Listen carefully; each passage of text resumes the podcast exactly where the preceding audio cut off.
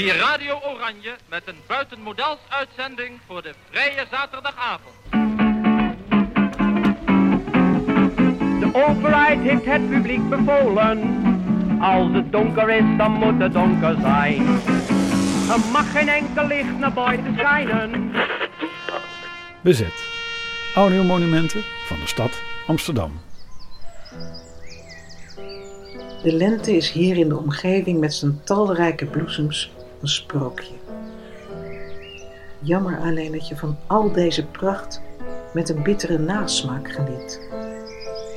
De gedachte aan mijn arme oudjes verlaat me geen ogenblik. We kunnen hen niet helpen, zelfs niet met een paar woorden ze troosten en blij maken.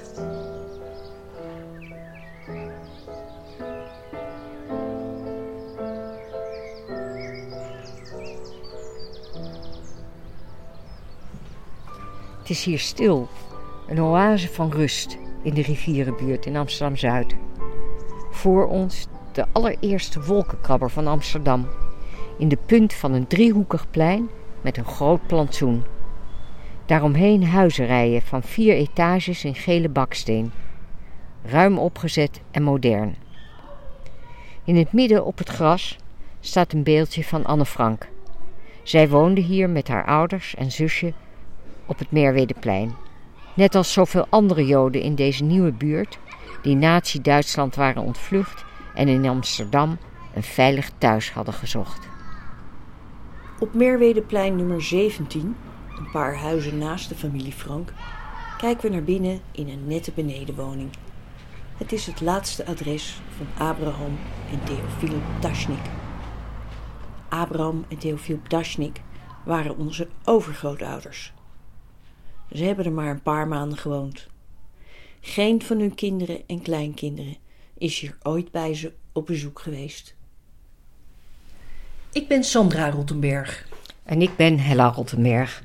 Wij zijn achterkleindochters, geboren na de oorlog. En we kenden niet meer dan een enkele anekdote over opa en oma Ptashnik, de ouders van onze oma Lena. We wisten waar ze vandaan kwamen en dankzij wat foto's, een paar filmpjes en geschilderde portretten konden we ons een voorstelling van ze maken. Maar hoe die laatste tijd in Amsterdam voor ze geweest moet zijn, daar hadden we geen idee van.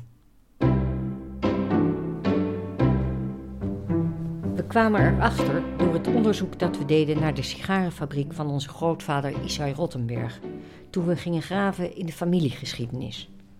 We vonden brieven terug uit de oorlogsjaren.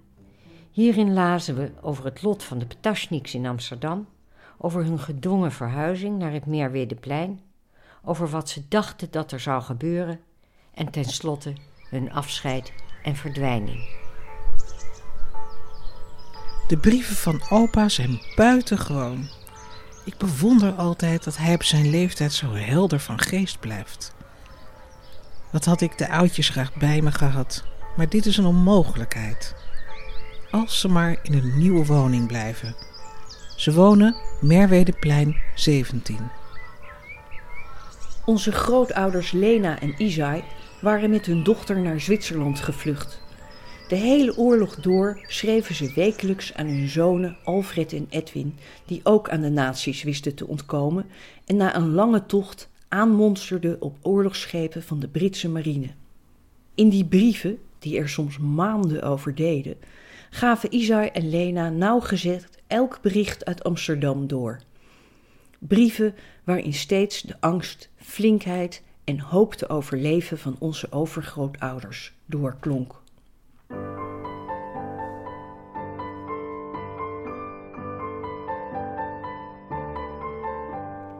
Voor hun gedwongen verhuizing woonden Abraham en Theofiel Ptashnik in de Hakaarstraat 23, niet ver van het concertgebouw in Amsterdam. Een paar jaar geleden vroegen we kleinzoon Theo Franke hoe hij zich zijn grootouders herinnerde. Heel warm. We hoorden allemaal bij elkaar. Vrijdag kwamen we allemaal bij elkaar. En dan aten jullie allemaal samen? Ja. Uh, nou, ik geloof dat ze het allemaal nasje noemden. Want er was niet een hele maaltijd voor zoveel nee, mensen. Dat, nee, dan hapjes en uh, lekkere dingen. En die kon mijn grootmoeder geweldig goed maken. Ja. Opa was een vreselijk lieve man. En ik kon het heel goed met die vier jongste kinderen vinden. En we kwamen vanuit school gingen we direct naar hem toe als hij jarig was. En stond oma in de keuken. En uh, nou dan, ik herinner me dat, dat ze een grote taart gebakken had. Ze zei, nou jullie zijn met z'n vieren, dat is mooi, dat noemen we het zo. en op dat moment kwam oma binnen. Daar, daar mocht ik er niet zo.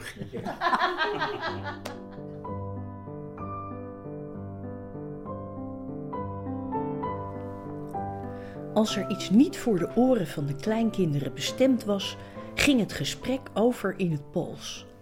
Dat was de taal die de Ptashniks meenamen toen ze in 1899 naar Amsterdam emigreerden.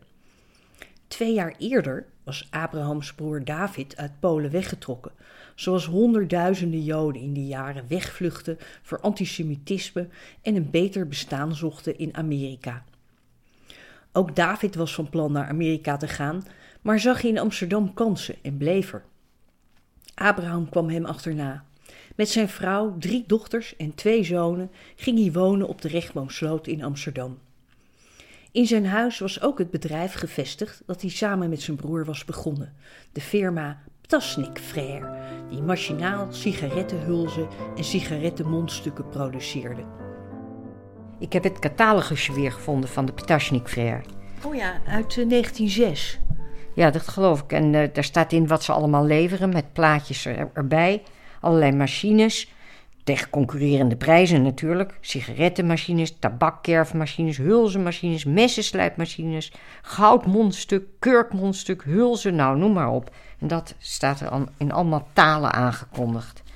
En helemaal achteraan heb je die foto die we kennen van hun stand oh op een beurs in uh, Brussel. Waar ze de gouden medaille hebben gewonnen. Een van de schoonzoons had een camera en maakte familiefilmpjes. Op zo'n filmpje, gemaakt op het 50-jarig huwelijksfeest in 1934, zien we opa en oma Ptashnik deftig gezeten in de serre van hun huis tussen de boeketten bloemen. En we zien onze vaders, hun zusje en hun neven en nichten als jonge tieners ombeurten hun grootouders zoenen. Daarna poseert de hele familie in de tuin. De kinderen opgewonden elkaar stompend en duwend de jongens allemaal in hunzelfde pak met das, de meisjes in jurkjes met pofmouwtjes.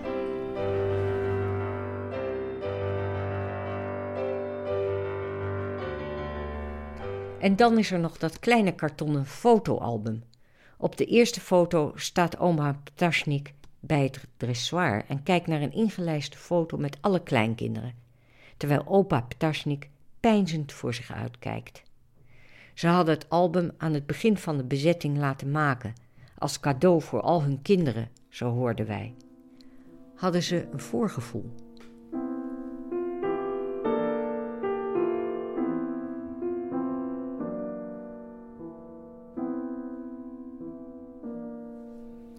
Hun drie dochters met gezinnen woonden in Amsterdam, vlakbij. En nog een tijdje werd het familieleven bijna als van ouds voortgezet. Kleinzoon Karel Citroen herinnert zich dit. Ga eens even naar opa toe, een beetje met hem praten. Ik praatte wel veel met hem.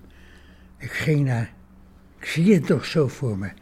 Memming staat uit, brug over, Hakker staat in. Ik zie allemaal Duitse soldaten die jongens oppakten. Ik ben zo teruggelopen. Ik ben niet meegegaan naar Mauthausen.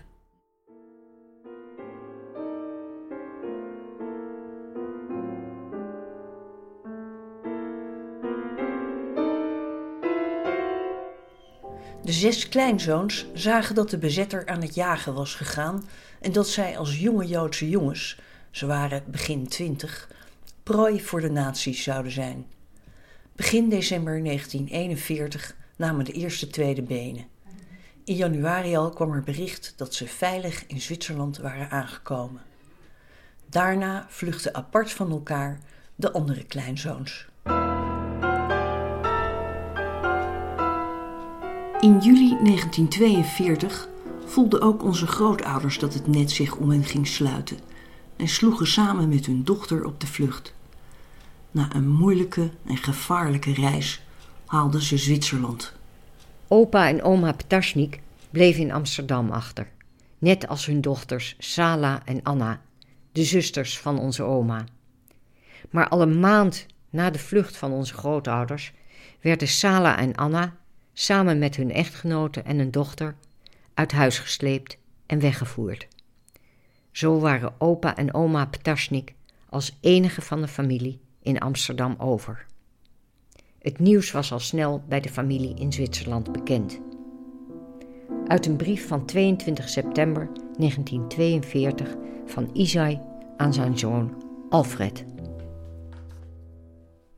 De praktijken thuis wat de deportaties betreft zijn al lang veranderd.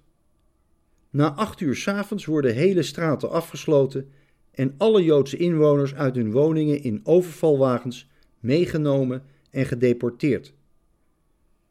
Zo is het met tante Sala en oom Dolf gebeurd. Het was op een zondag waar opa en oma bij hun gegeten hebben en een half uurtje eerder naar huis gingen. Ook oom A en tante Anna werden op een dergelijke wijze gedeporteerd. Oom Dolf heeft nog tijd gekregen om twee koffers te pakken en Dorrit met zijn mandje bij een buurman te brengen. De volgende dag kwam de hond bij opa terecht. Oom A heeft voor niets tijd gekregen. Opa heeft voor hun een en ander naar de gevangenis weten te brengen, van waaruit zij de lange reis naar het oosten moesten maken.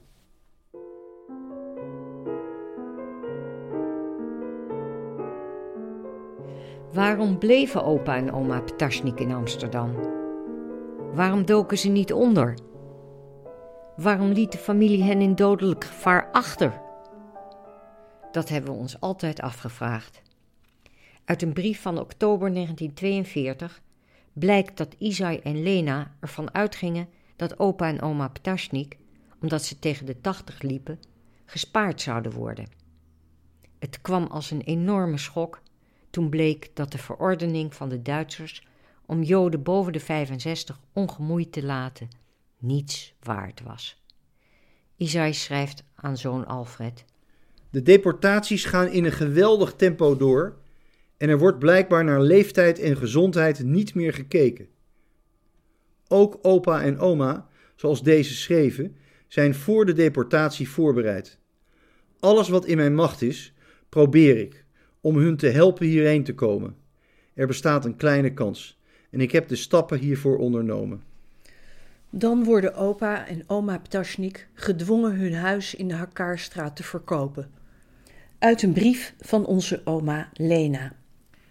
Opa's woning is intussen getaxeerd. Het kan de oudjes niet schelen. Ze zijn beide zeer flink, hebben het vaste vertrouwen dat de ellende niet lang zal duren en willen zich gezond houden tot na de bruiloft om hun kinderen alle terug te zien. Over de verhuizing zelf, op 1 december 1942, heeft opa Ptashnik uitvoerig geschreven. En van die brief is een afschrift bewaard. Wij voelen ons nu veel beter dan acht dagen geleden, waar wij hals over kop, als het ware, van onze woning eruit geduwd worden. Wij moesten in noodweer naar het Merwedeplein lopen. Moeder liep vooruit, ze had geen geduld mijn slakkengang te volgen. Onderweg bleef ik een beetje staan om iets uit te rusten. Toen dacht ik bij mezelf: wat is dat voor een leven? Maar toen ik het lot mijn ongelukkige kinderen herinnerde, welk lot ook ons vroeger of later te wachten staat, stapte ik verder en kwam eindelijk in een huis vol werklieden aan. Opa Ptashnik beschrijft hoe zijn vrouw zwoegde om alles te vinden en een plekje te geven, en van moeheid duizelig in elkaar zakte. Ik heb de dokter laten komen, die haar gewaarschuwd heeft zich kalm te houden. Toch luisterde zij niet, ook niet naar de redenering van verstandige mensen, dat men zich in deze tijden met onbenullige dingen niet moest afjakkeren. Er staan veel grotere dingen op het spel. Men moet de krachten sparen om aan de volgende misères, die niet zullen uitblijven, het hoofd te kunnen bieden. Haar antwoord is dat zij werkt om niet aan de misères te moeten denken. In diezelfde brief bericht hij over de deportaties van buren en bekenden. Van de kinderen hebben we nog niets vernomen. Er komen wel nog vele brieven aan, toch niet voor ons. Deze brieven zijn nietszeggend, allemaal uniform. En daar meteen op volgend een zinnetje waarin een glimpje hoop flakkert. Een strohalm waaraan opa Ptasnik zich vastgrijpt. Zwaap heeft van betrouwbare bron gehoord dat de toestand daar niet onhoudbaar is.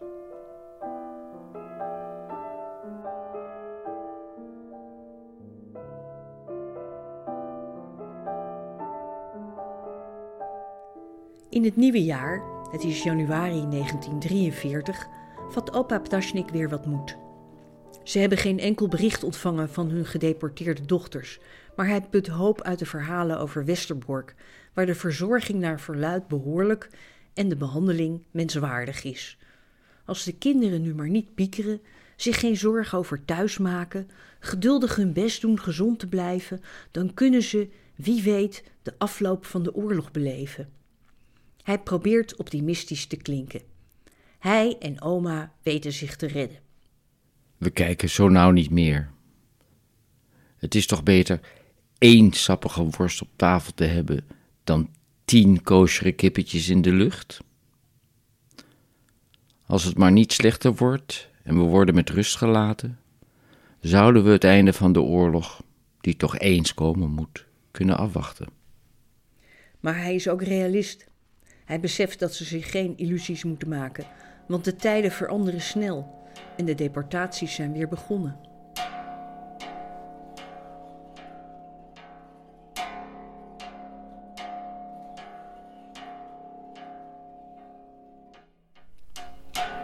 ...25 februari 1943. Een briefkaart van opa Ptoschnik aan zijn dochter Lena. Lieve Lena, in de trein naar Westerbork schrijf ik deze kaart. Wij komen waarschijnlijk tegen elf uur s'avonds aan. We gaan met goed gemoed weg. In mijn leven heb ik nog niet zoveel ongelukkige wrakken bij elkaar gezien. Ik voel me hier als een held. Als er niets bijzonders gebeurt, hoop ik nog gezond terug te komen. Ook moeder houdt zich zeer flink. Maken jullie je over ons geen zorgen? Het zal wel loslopen. Lieve Lena, maak je niet ongerust wegens ons. Het zal goed aflopen. Trouwens heb ik een heerlijk leven achter mijn rug. Het kan toch niet eeuwig goed zijn? Vele hartelijke groeten van ons beiden aan alle onze kinderen en kleinkinderen van vader en moeder.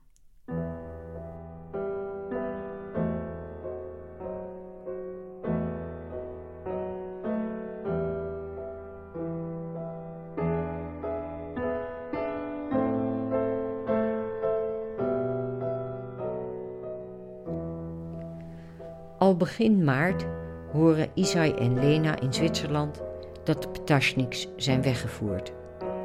Behalve de briefkaart krijgen ze ook via goede vrienden een laatste groet overgebracht. Op 14 maart geeft Isai het nieuws door aan Alfred.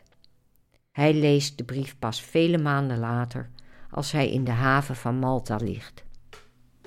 Met de deportatie van opa en oma is ons een ontzettende slag toebedeeld. Moeder is er het ergst aan toe. Zij kan het niet verwerken en haar ogen zijn rood van de tranen en zij kan niet slapen. De laatste veertien dagen is zij een heleboel grijzer geworden. Ook ik ben wat ongeduldiger en verdrietig. Behalve de familieleden uit Holland is mijn moeder, zusters en broeders met hun families, tezamen 23 mensen die in de diverse ghetto's opgesloten waren, sedert maanden spoorloos verdwenen. Het is wanhopig aan alle berichten te geloven die het lot van deze ghetto's en gedeporteerden vermelden. En toch moet men het voorbeeld van opa nemen en de moed niet verliezen.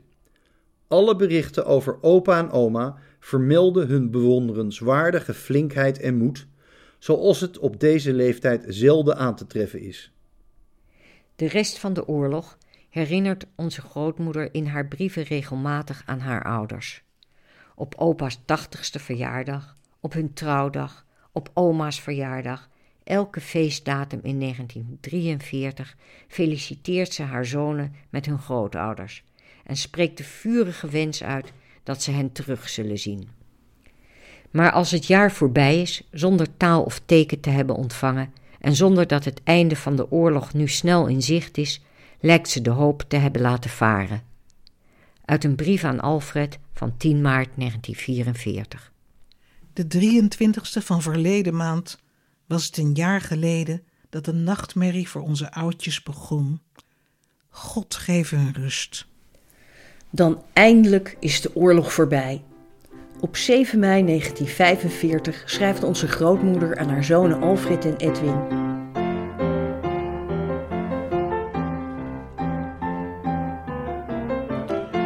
Vrede. Dit was de eerste gedachte die door mijn hoofd ging toen ik vanmorgen wakker was. Uit met de massavernietiging van mensen. Op hetzelfde moment dacht ik aan mijn jongens en aan de kinderen van mijn ongelukkige beide zusters, die alle door Gods wonder ons gespaard zijn. Hartelijk feliciteer ik jullie en mezelf en ben zo dankbaar dat het ons vergund zal zijn elkaar gezond en spoedig weer te zien. Achteraf ben ik blij dat ook jullie een kiezelsteentje hebben bijgedragen tot de vernietiging van de grootste bandieten. Maar feestvieren lukt daar niet, laat ze merken. Alle zijn blij dat de oorlog weer voorbij is. Dat ze misschien weer gauw meer macaroni krijgen enzovoorts. Persoonlijk heb ik geen reden tot uitbundigheid. We hebben te veel verloren. En de onzekerheid over het lot van de onze zal wel altijd een wonde plek bij mij achterlaten. De toon van Isai is net zoals de hare bitterzoet. Dagen vol emoties. De spelden van onze diverse frontkaarten, ten dele krom van de vele verschuivingen, verdwijnen in de naaidoos. Het bloedige spel dat twaalf jaar geleden in 1933 begonnen was, is ten einde. De gerechtvaardigde blijdschap van alle mensen hier en overal is onwaarschijnlijk groot. En toch, ik kan aan de begrijpelijke jeugdige vreugde van al die volwassen mensen niet meedoen. Wij hebben in deze jaren een te grote prijs betaald. En ik vrees dat wij helaas velen die ons dierbaar zijn, niet meer terug zullen zien. Wij zijn zo trots en gelukkig dat ook onze jongens tot de beëindiging deze verschrikkelijke worsteling en tot deze geweldige overwinning hebben bijgedragen. En dat wij jullie hopelijk gauw in Nederland terug zullen zien. Op 2 maart 1943, zo blijkt uit de transportlijsten, zijn onze overgrootouders doorgestuurd naar Sobibor. We kijken naar nog een bewaard stukje film van een vooroorlogsfamiliefeest met opa en oma Ptaschnik als middelpunt. Daar staan ze, te midden van hun kinderen en kleinkinderen. Iedereen drentelt gewichtig om hen heen, bewust van de camera. Oma is reizig, iets langer dan opa. Een vrouw met allure. Terwijl opa ernstig in de lens kijkt, geeft oma hem een zoen op zijn wang.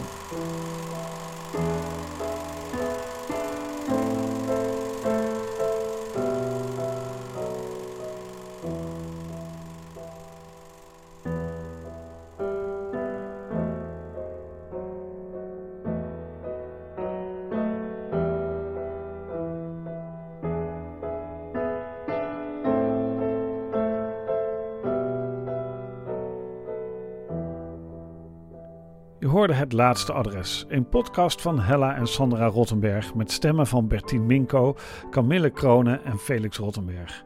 De muziek is van componist Leo Smit. Montage Vinnie Taylor. Aanvankelijk zouden Hella en Sandra hun verhaal verteld hebben tijdens Opiootse Huizen. Net als deze podcast een co-productie van het Amsterdams 4 en 5 mei-comité en het Joods Cultureel Kwartier. En dit was alweer de zevende aflevering van de podcast Bezet Audiomonumenten van de stad Amsterdam. Wij gaan in ieder geval nog door tot 5 mei, dus blijf luisteren.